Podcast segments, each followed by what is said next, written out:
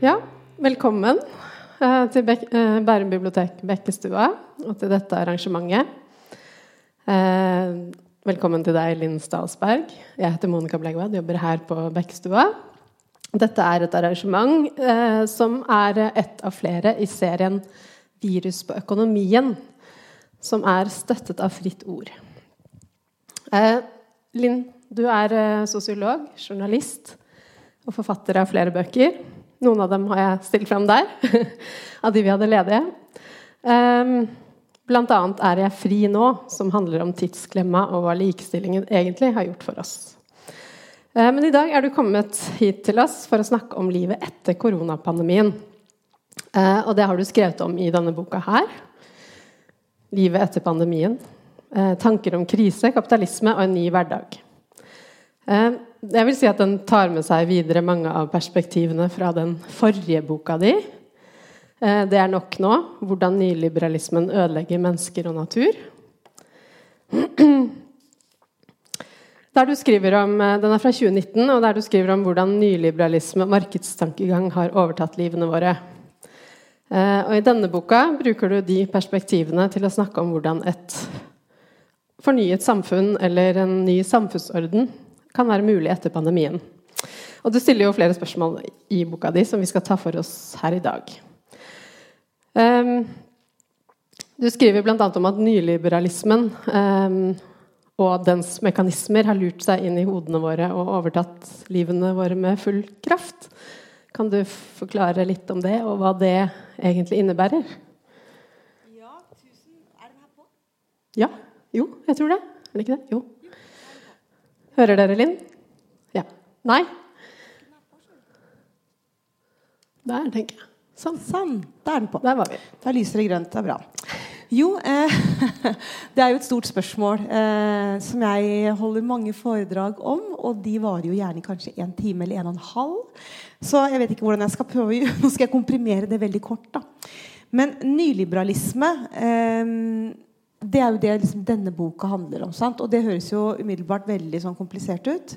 Og jeg pleier å si at, eh, til de som er på møtene, at hvis du skal gå ut etterpå og møte vennene dine, og så sier de sånn Ja, hva er denne nyliberalismen? Så kan man bare si én setning, og det er nyliberalismen er markedets stadig økte inntreden i våre liv.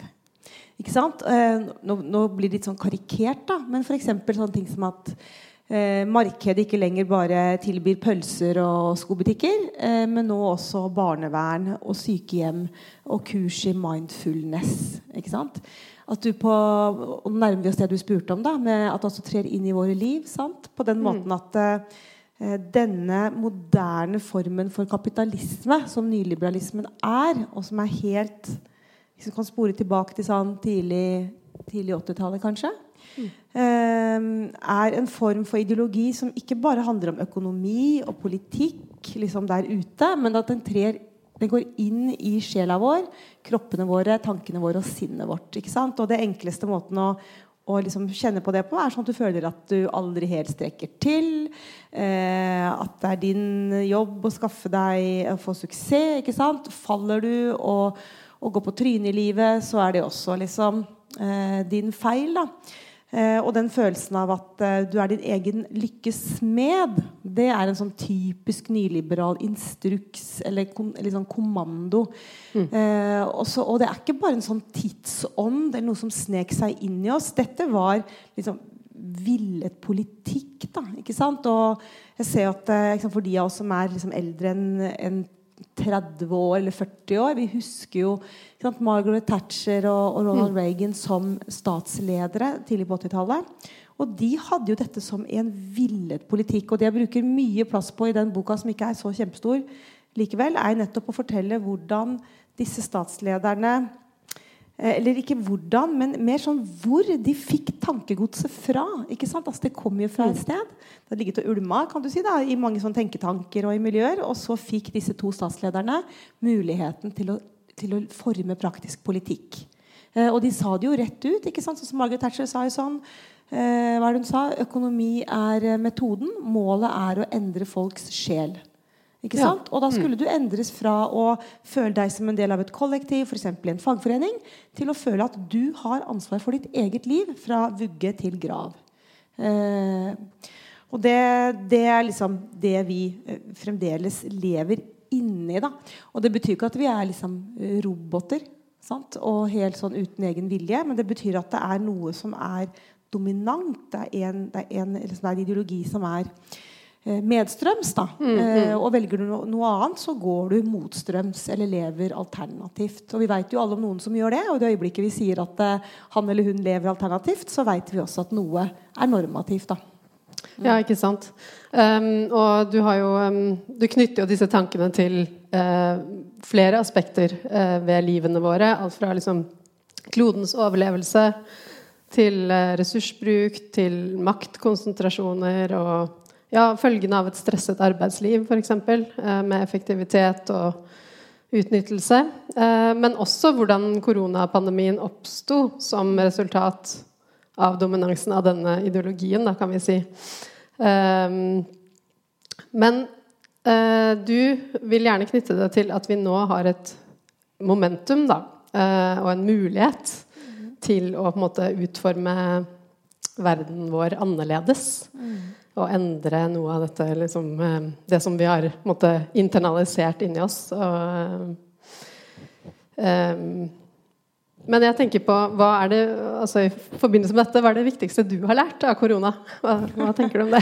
hva er det viktigste jeg har lært? Eh, jeg tenker at det viktigste jeg har lært sånn liksom i vårt, min lille hverdag her hjemme i Norge, mm. da, eh, det tror jeg er at vi eh, Det tror jeg er at vi må ha mer respekt for hverandres drømmer, håp, lengsler, sorger. Ikke sant? For eksempel, sånne ting som Under pandemien så var det jo noen som gikk helt av skaftet fordi ikke de kunne komme seg på hytta. ikke sant? Og da tenker jeg ja, vet du hva, det har jeg respekt for. Da må den hytta være innmari viktig for deg. liksom. Kanskje det er der familien endelig senker skuldra. Eller, altså, eller at for min egen del, da, som eh, sant, da Sats eh, treningsstudio stengte, så, liksom, så, begynte jeg å grine. ikke sant? Og det er fordi jeg sto i en egen livskrise midt i pandemien. Og Sats var mitt eneste frirom. Det var den timen jeg kobla av krisa mi. Og når den timen ble borte, så, så, var jeg liksom bare Og da tenkte jeg at da, Jeg hadde jo sant, et år tidligere sikkert bare avfeid andre som hadde grått av den samme grunnen. Bare liksom, Herlighet, liksom. Altså, gå nå heller en tur. Men, men, det verste jeg gjorde, var jo gå en tur, for da går i hvert fall tankene og surer. ikke sant? Så, så, så jeg, jeg, tenker at det lærte jeg, da. Eh, og, og det å liksom ha litt respekt for når folk liksom knekker litt eller tar litt av, av, av en eller annen grunn, så kan man tenke at det, det kan jo være beveggrunner under der som ikke vi umiddelbart ser. Da. Ja, ja, ja. Mm. Mm, ja så det du, var den personlige ja. erfaringa. ja, for du ble separert i denne perioden. Ja, du, det Så det var jo din krise. Men uh, hva er si, normalen, da? Hvis vi sier det Nei. motsatte. Vil, og vil vi egentlig tilbake dit? Ja, altså Normalen er jo den boka her. ikke sant? Mm. Normalen mm. er Eh, på et politisk nivå så er jo det det nyliberale samfunnet. Den nyliberale økonomien, politikken, ideologien. Eh, og det som er, det jeg prøver å gjøre i denne boka, her er jo liksom å ta et sånt fugleperspektiv. Jeg flyr der oppe ikke sant? og så ser jeg ned på samfunnet vårt. Og så ser jeg at eh, det samfunnet vi hadde inntil 2020, var et samfunn med økende økonomisk ulikhet. Mm. Økende mellom land, innad i land, innad i samme nabolag. Ikke sant? Verden over. Det var en verden som, eh, hvor velferdsstatene bare ble knekt én etter én etter én. Og det kjenner ikke vi så godt på her i Norge, men vi må bare liksom begynne å skjønne at vi er jo unntaket. Vi er sånn siste skanse mm. velferdsstat. Så tenk på foreldrene mine Da de vokste opp på, på 50-tallet, så, så, var jo velferdsstaten på mote. Da på mote i Sovjet, i Europa, i USA. Alle ville ha velferdsstat. Nå er det bare, nesten bare oss igjen. Og liksom New Zealand. Ikke sant? Ja, ja. her her i og det, og det er liksom, Du har liksom klima og miljø, du har velferdsstaten, og du har økende økonomisk ulikhet, og du har et samfunn med utrolig mye angst, uro, stress, depresjon. Ikke sant? I, i særlig vår del av verden, men ikke bare i vår del av verden. Eh, det er litt sånn overalt. Og så tenker jeg at dette er en, sånn, det er en fellesnevner da, bak alt dette. Og den normalen tenker jeg, eh, at vi må ikke tilbake til den. For det er den normalen som er selve krisa. Så pandemien er bare en konsekvens av den krisa. Ikke? Og da er vi liksom inne på det, det økologiske igjen. da, Og jeg er jo ikke den eneste. altså Også han der israelske tenkeren Yuval Harari, som kanskje mange har lest bøkene til, han sier også det eh, som mange andre sier òg, at det, det, her er ikke en naturkatastrofe. Det er en politisk naturkatastrofe. Mm. Altså liksom Hele dette virus, virus, virusets, covid-19s opprinnelse, er jo en konsekvens av nettopp denne her jakten på profitt som har gjort at mennesker trenger seg inn i dyrs habitat. ikke sant? Mm. Dyrene må også være et eller annet sted, så de flyr jo da inn i menneskenes. Eh, og så får vi virus, da, sånne sunuser som det heter, som hopper ikke sant? mellom ja. arter på en måte som er helt nye. sånn at hele, altså, Grunnen til at vi står i en pandemi, er politisk. Eh, og det er forskjell på nå og spanskesyken. på en måte Men ja. det er ikke forskjell på nå og som fugleinfluensa, svineinfluensa, Zika-viruset, altså aids i sin tid. ikke sant? Dette var også mm. sunuser. Og, disse, og, forskere innenfor biologien har jo advart om dette siden 90-tallet. Men hva visste jeg om det? Eh, hva visste noen av oss om det? Om disse advarslene? Nei, det Fordi det, det, nådde aldri liksom, det politiske nivået. da. Mm. Men, ja, og, men, og, når ja. vi er inne på uh, det, da, så uh, holdt jeg på å si Er det noe som vi, altså som menneskehet, uh, tror du at vi vil endre oss altså i forhold til det? Med større bevissthet, da? Vi, nå vet vi jo en del om dette. Jeg tenker jo at Alle endringer i samfunnet tar jo innmari lang tid. Mm. ikke sant? Altså Tenk på sånn Katti Anke Møller, som vi husker ikke presist årstall 1910 eller der omkring. liksom prøvde å, å, snakke for abortsaken, selvbestemt abort. Mm. Det fikk vi i 1978. Ja. Det var krav om barnehager tidlig på 70-tallet. Det fikk vi i 2005.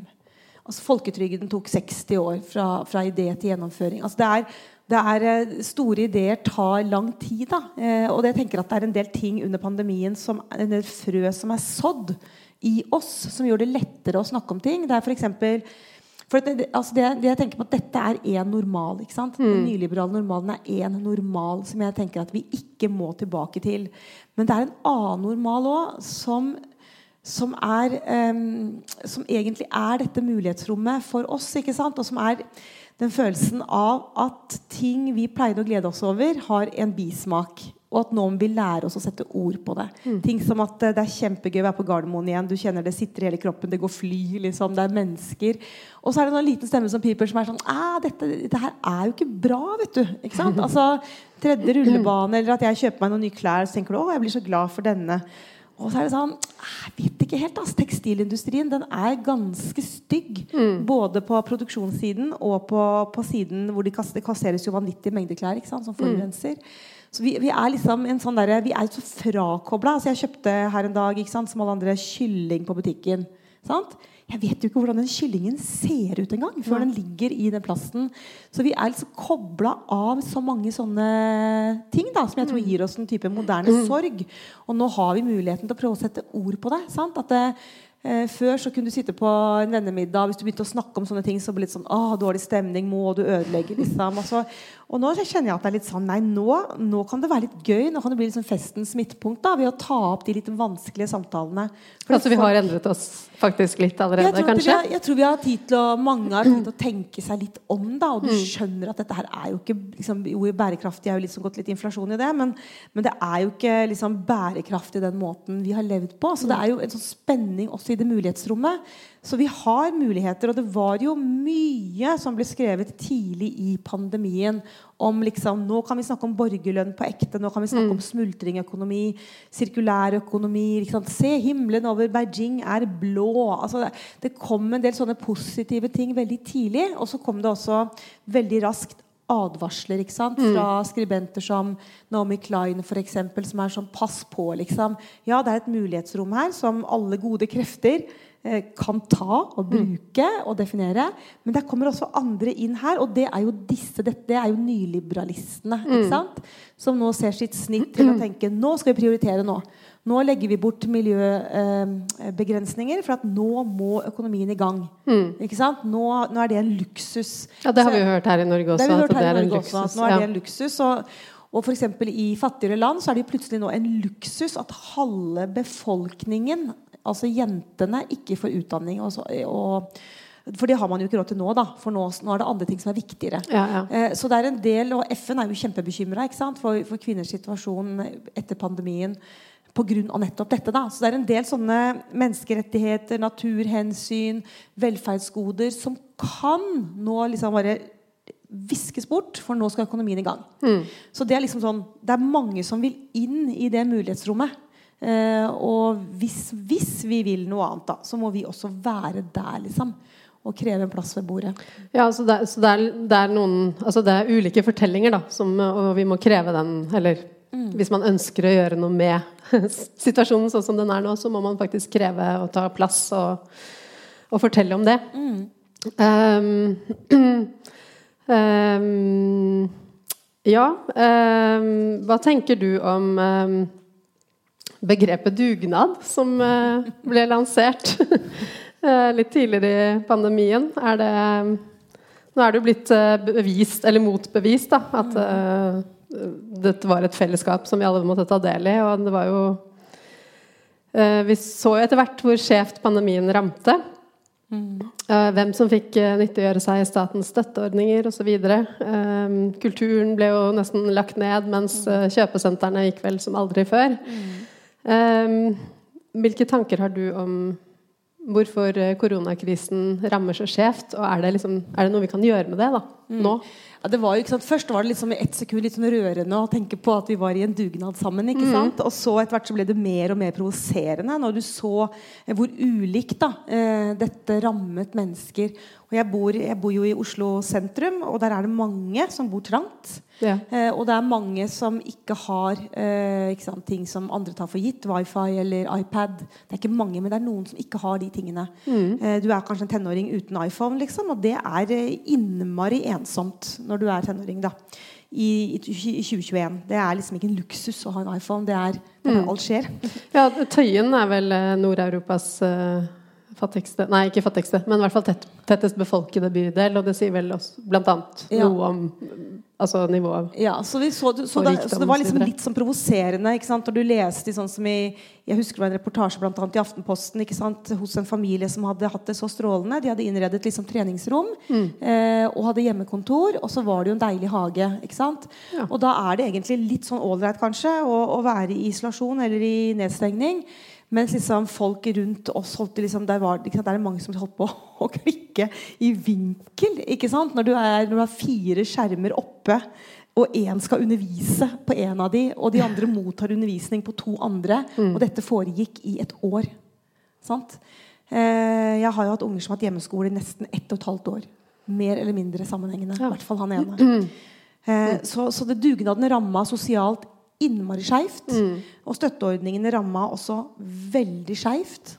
Sant? Noen, det er sånn, ja, nå blir det oppussings eh, Nå blir det mye oppussing for folk har spart penger. Men det tenker jeg snakk for dere sjøl, liksom. Fordi at eh, folk i liksom, kultur, uteliv, frilansere, alle disse bransjene her, mm. folk som er permitterte i turistnæring osv., har jo ikke spart penger, men snarere tvert imot gått og vært veldig engstelige og redde for framtida si.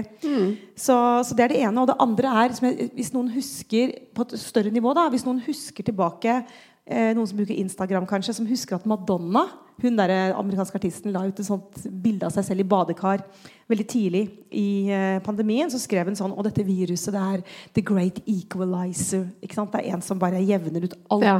Nå blir alle rammet, skrev hun. ikke sant? Om du er morsom eller treig, om du er pen eller stygg, tjukk eller tynn. Alle blir rammet. liksom. Viruset bryr seg ikke. Uh, og dette ble jo veldig fort latterliggjort, fordi det er helt sant at ikke viruset bryr seg om du ler eller griner. Men viruset bryr seg om om du er rik eller fattig. Og det så vi jo i verden eh, veldig veldig raskt. da, At eh, de som eh, i hovedsak ble hardest ramma, selv om det var unntak, det var etniske minoriteter. Folk som må kjøre kollektivt og ikke ha bil. De som bor trangt. De som jobber i helse, omsorg, bygg, servering, butikk. Eh, Og som ikke har muligheten til hjemmekontor, f.eks. Og de som har så utrygge arbeidsforhold, som det er mer og mer av i verden, at de ikke tør å sykmelde seg. De går på jobb selv om de er syke. Og det gjør de f.eks. i England, som er bare to timer flytur unna. ikke sant? Så er det et samfunn hvor, det, hvor man ikke tør da, i stor grad å være hjemme. Ja, ja. Så, så det ramma jo Ja, det kan man snakke lenge om bare den delen, da. Men din, den ulikheten som fikk pågå rundt eller før pandemien, den har jo blitt forsterka etterpå. De fattigere har blitt fattigere. De fattigste har blitt mye fattigere. Men det som også har skjedd, er at de rikeste har blitt mye rikere. For børsen gikk opp mens arbeidsledigheten også gikk opp. Eh, så de som hadde aksjer, har blitt mye rikere. Mm. Eh, og det igjen har jo ledet til en sånn at noen selskaper og bedrifter har blitt større, som igjen har betydd at de har slukt de små Mm. eh, og laget liksom, monopollignende Altså Monopolene har vokst Mm. under pandemien. Hvordan kan det skje, egentlig? Børsene går opp, og arbeidsledigheten går opp. Det handler om salg og kjøp av statsobligasjoner. Det er ganske komplisert. Jeg, har fått Ok. en økonom til å fort- jeg måtte ha en halvtime på telefonen med økonom for å forklare meg Ja, Okay. Men, men det er de som eier Altså børsene har gått opp. Da, så de, som har, de som har hatt aksjer, har kunnet tjene penger, gode penger. Ja. Eh, og så eh, investerer de store selskapene i moderne teknologi. Kjøper opp de små som ikke har råd til det. Teknologi har jo vært big business ikke sant? under pandemien. Og nå sitter vi med store eh, monopoler. Og monopolene har jo ofte den egenskapen at statene blir avhengige av dem. Ikke sant? Bare tenk på sånne ting som Jeg synes det eksempelet er så godt. Sånn som tenk på Twitter, for eksempel. Sikkert mange som er på Twitter. Eh, Donald Trump ble kasta ut av Twitter tidligere i år. Og da var det jo sånn ytringsfrihet og liksom den type debatt. Men så glemmer vi at Twitter Twitter er en privat bedrift. det. Mm. De kan gjøre akkurat hva de vil. De, de kan Ja. kaste ut meg, deg, de kan ha sine egne regler. De er ikke noe kanal for ytringsfrihet. De er ikke noe demokratisk rettighet. Det er en bedrift. De driver business. De kan legge seg ned i morgen hvis de vil. Ja. Eller bli kjøpt opp av noen andre. Og så har det blitt sånn da at Twitter har jo Det fins vel ikke en kommune i Norge som ikke bruker Twitter liksom, for å, for å ja, fortelle om arrangementene sine eller Ja, eh, smitteverntiltak. Eller, så vi tenker på det som en demokratisk rett. Det er liksom bare, men det er ikke det. Det kan forsvinne i morgen. Mm. Eh, og, det, og det er jo et veldig sånt åpenlyst eksempel. Da. Det fins jo også andre mer materielle selskaper. Ja. Eh, Du nevnte eh, helseansatte, eller ansatte i helse. Eh, og du eh, skriver jo bl.a. at eh, noe som jeg syns høres veldig positivt ut, da, er at eh, lavtlønnede grupper, bl.a. sykepleiere og lærere og andre, eh, har jo fått øynene opp for hvor viktig de er da, i denne pandemien. Det er jo de som holder samfunnet gående.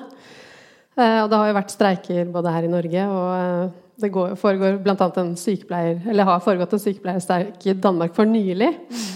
Eh, og det blir jo veldig tydelig eh, for oss, vil jeg si, at eh, noen tar seg veldig godt betalt for noe som kanskje ikke er så viktig, mens andre grupper er eh, underbetalt og underbemannet osv. Um, hva tenker du om det? Det Det er nesten komisk, ikke sant? Men da, da Igjen da, i denne positive liksom, løftet som kom rett etter nedstengningen, hvor det var sånn ja, det med blå himmel og Beijing osv. Så, så, så i samme åndedrag så var det jo den derre Folk applauderte ikke sant, verden over fra balkongene sine for helsearbeiderne og sånn. Og alt dette var jo veldig vakkert. Jeg husker det ble skrevet også en kronikk her i Norge som handlet om liksom sånn Ja, nå trenger aldri sykepleierne å streike igjen. Ikke sant? Jeg sy nå, nå syns jeg jeg ser de som nekter lærerne lønnshøyninger. Liksom. Men det gjorde de. Det var det første som skjedde etterpå. Sant? Så, så det er, og lærerne, lærerne er jo fremdeles? De er jo så slitne. Sant? Og jeg, I Oslo, da, som jeg holder til, så, var det jo, så oppdaget vi sånne ting som at lærerne har ikke engang fått liksom, kollektiv avtale om overtid. altså For hver time de jobber overtid, og de var det sinnssykt mange av, så må de søke også, De må bruke liksom, tid på å rapportere det også inn. Som jo egentlig er helt sånn horribelt. At de burde bare fått liksom carte blanche, liksom, eller at noen ovenfra ga dem det. da Så det er mye sånne greier man oppdager etter hvert. Og jeg tror at, men jeg tror nok det er igjen at det er sådd noen frø. At ja, ja, så er vi litt i gammel sedvane, og man skal nekte lønnsforhøyelse og, og behandle folk sånn som man er vant til. Men altså, jeg tror nok allikevel at disse yrkene sånn i det storsamfunnet rundt seg har fått en eh, en respekt. da, og jeg tenker jo også på Ikke, ikke bare sykepleiere og lærere, men også sånne rengjørere og folk som jobber med sanitær og, og, og søppel og, og, renovasjon og sånn også. Har jeg liksom forstått at, eh, at dette, dette er helt krise, liksom. Om det forsvinner, så må vi bare bruke den bevisstheten for å støtte disse gruppene, eller løfte de opp, da. Eh, når vi har muligheten. Ja. Um, det håper jo vi som jobber her på biblioteket òg. er det noen eh, andre teorier og synspunkter du vil trekke frem eh, fra boka di, som jeg ikke har nevnt til nå? Ja, helt masse. Ja. For det Ja, Du kan si et par stykker, da. Ja, hva skal man velge da? Jeg tenker at um, Hva skal jeg nå prøver jeg liksom å gå gjennom La meg bare se hva jeg har skrevet om. Jeg husker knapt hva jeg har skrevet om. Men jeg tror, at eh, det, jeg tror da at skal du endre verden Ja, jeg har et kapittel som heter nemlig det. Det var det jeg mente. at jeg hadde, det var i denne boka her. Jeg har et sånn bitte lite kapittel som heter 'Kjenn din fiende'. Ikke sant? Ja. Uh, dette er jo det gamle ordtaket fra han uh, kinesiske krigeren fra Gud husker ikke når 6000 fra ja, ja. 1000 og et eller annet? Ja, ja. Ikke sant, som skrev denne krig, krigens regler. Eller mm. kunsten å krige, eller et eller annet. Men den, det sitatet er jo sånn 'Kjenn din fiende'. Sant? Men hele sitatet er sånn Kjenn din fiende. Hvis du ikke kjenner din fiende, så går du på nye nederlag etter hver seier. Ikke sant? Hvis du ikke forstår hva du kjemper mot, og i min verden da, så er jo det denne markedsstyrte nyliberalismen som er roten til innmari mye ondt. Da går du på nye nederlag etter hver seier. Eh, for eksempel, la oss si du er eh, en feminist. Mm. Og så kjemper du for krisesentre i alle norske kommuner. Dette er veldig bra. ikke sant? Og du yes, en seier. Nå har jeg fått veldig bra krisesentre overalt. Eh, men så, samtidig, så, så, er du litt blind for det økonomiske systemet, som jo de fleste av oss har vært i mange år. Og så støtter man opp under, da, når man ved valg eller politisk eller debatt, rundt et system som øker ulikheten. Mm. Som skaper arbeidsløshet. Og så vet man fra forskning at økt ulikhet, arbeidsløshet, det skaper vold i hjemmet. Mm. Det er årsak til vold i hjemmet. Eh, så da blir det sånn ok, Vi fikk en seier, vi gikk på et nytt nederlag. Fordi at strukturene rundt bidrar til nettopp det du prøver å hindre. Mm. Dette er liksom ett eksempel. Ja, det finnes jo flere sånne paradokser. Mm. Så liksom kjen, altså, bli kjent med, med liksom himmelen over oss, rammene rundt oss, eh, ideologien vi lever i, det tenker jeg er sånn første bud. da. Og så er det jo, så høres det kanskje veldig sånn tungt og kjedelig ut, men det er jo ikke det. sant? Det er jo liksom spennende, da. Eh, om man er enig eller uenig, så er det jo en spennende diskusjon mm. å ha.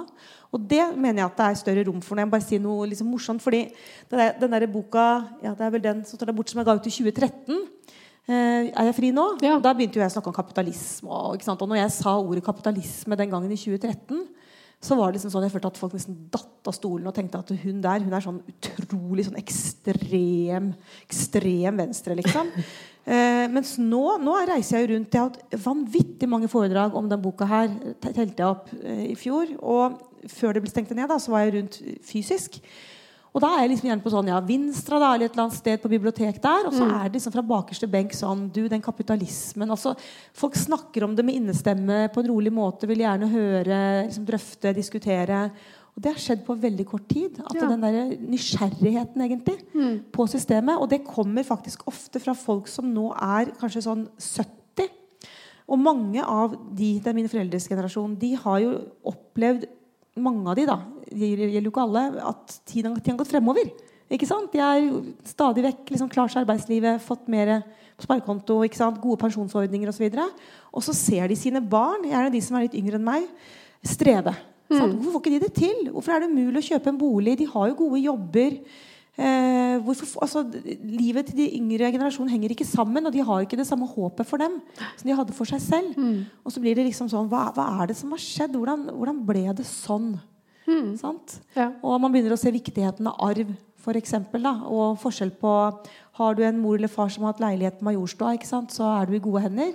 Og har du en mor og far som har hatt en eh, en blokk vatnehus på Eidsvoll, sånn som jeg har, så er du ikke liksom, riktig så gode hender. da. Nei, nei. Du begynner å se viktigheten av hvor du, ja, hvor du kommer fra. da. Mm, mm. mm. Ja, og mye av det er jo måte. tilfeldig. Så det er helt tilfeldig. Ja. Uh, og vi hadde jo et samfunn hvor det ikke skulle være sånn. Mm. Det skulle ikke ha noe å si. Uh, og så blir det kanskje mer og mer sånn likevel. da.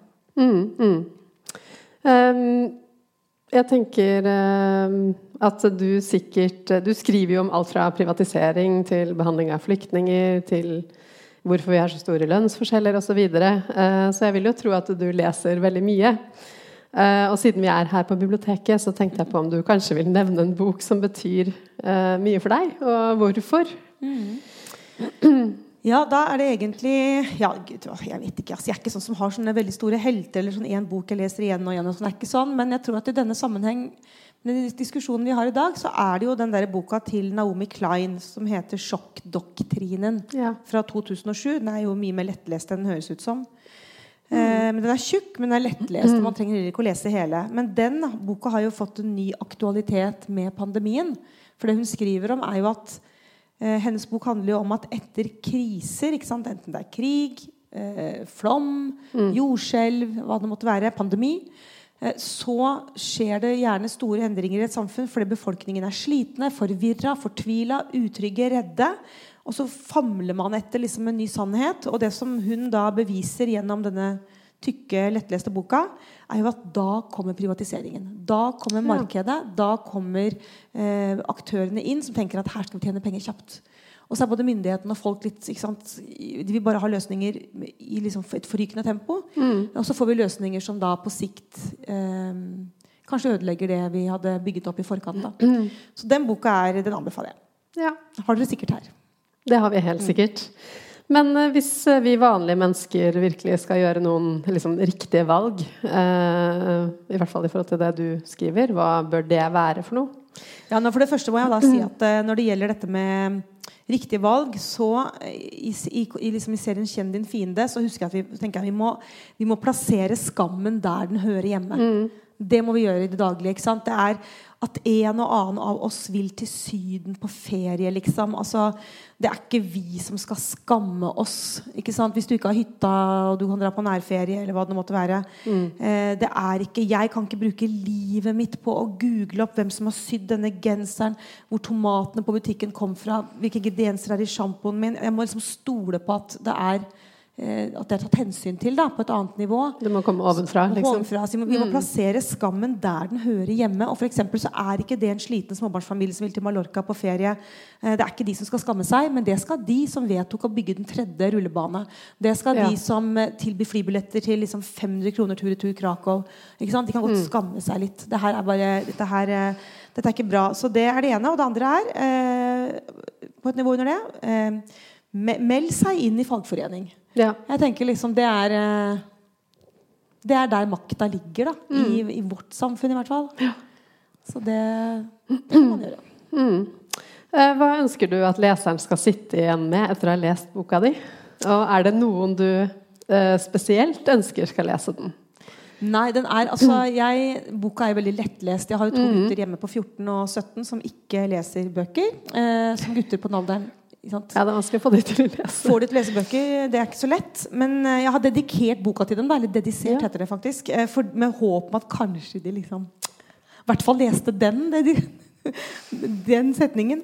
Eh, men den er, liksom, den er fra liksom 16 år og opp, tenker jeg. da Det er mm. liksom fra videregående og opp. Det er en lettlest bok for alle som er, er interessert i liksom Hvorfor er, vi er, hvorfor er vi her vi er? Hva er, hva er sammenhengen mellom de tingene jeg liksom baler med i mitt privatliv, og de store politiske strukturene.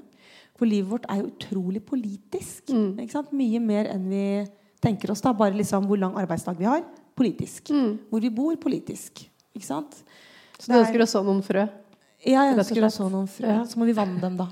Ja. Sola må skinne på. Luke ugress. Møtte du på noen utfordringer når du skrev denne boka? her?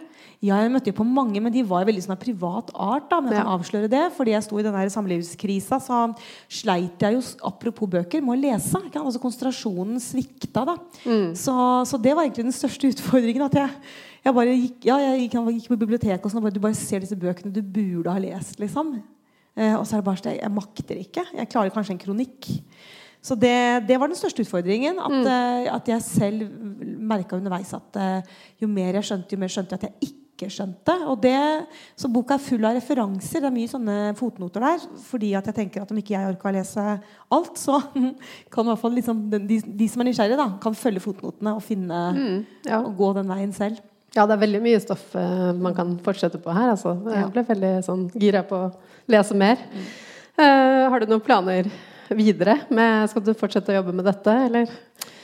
Ja, nå, nå er, det, er jeg på en sånn ny sånn foredragsrunde, eh, da, i og med at den, den er ute. Og så, og så, lurer jeg på hva som skjer med det, da, nå som denne pandemien ikke er så etter likevel. Men den, det er jo noe, sant, nye virus i omløpet osv. Det, er jo, det er jo ikke så kjempemange her. Og sånn i Oslo er det det samme. Det er ikke nødvendigvis på mine arrangementer, men når jeg er på andres også, så er det det er lite folk. da, altså folk, folk, er engstelige fremdeles. ikke sant? Kommer seg ikke ut. Mm.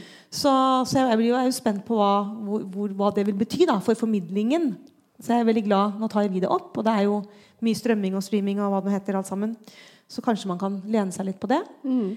Eh, og så har jeg jo ja, jeg har søkt, som vi forfattere gjør, da, penger til en ny bok. Det er jo som man gjør én gang i året i dette landet. Det er i oktober. Ja. Så hvis jeg får penger, så, så begynner jeg på'n igjen, da. Så bra. Det gleder vi oss til. Tusen takk for at du kom.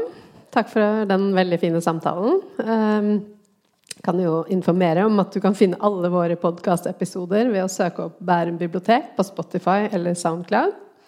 Og her finner du intervjuer med forfattere, samtaler om ulike temaer. Veldig mye bokrelatert, selvfølgelig, eh, og mye mer. Eh, vi begynner å nærme oss eh, avslutningen på sesongen her på biblioteket. Vi kan røpe at vårsesongen begynner allerede 6.1 med besøk av Edvard Hoem på Bærum bibliotek Høvik. Og vi får besøk av Linn Ullmann 5.3, og masse annet spennende. Både forfatterbesøk, foredrag og arrangementer for barn, selvfølgelig. Tusen takk for i dag, og takk for at dere kom. Takk til deg, Linn, for at du kom hit.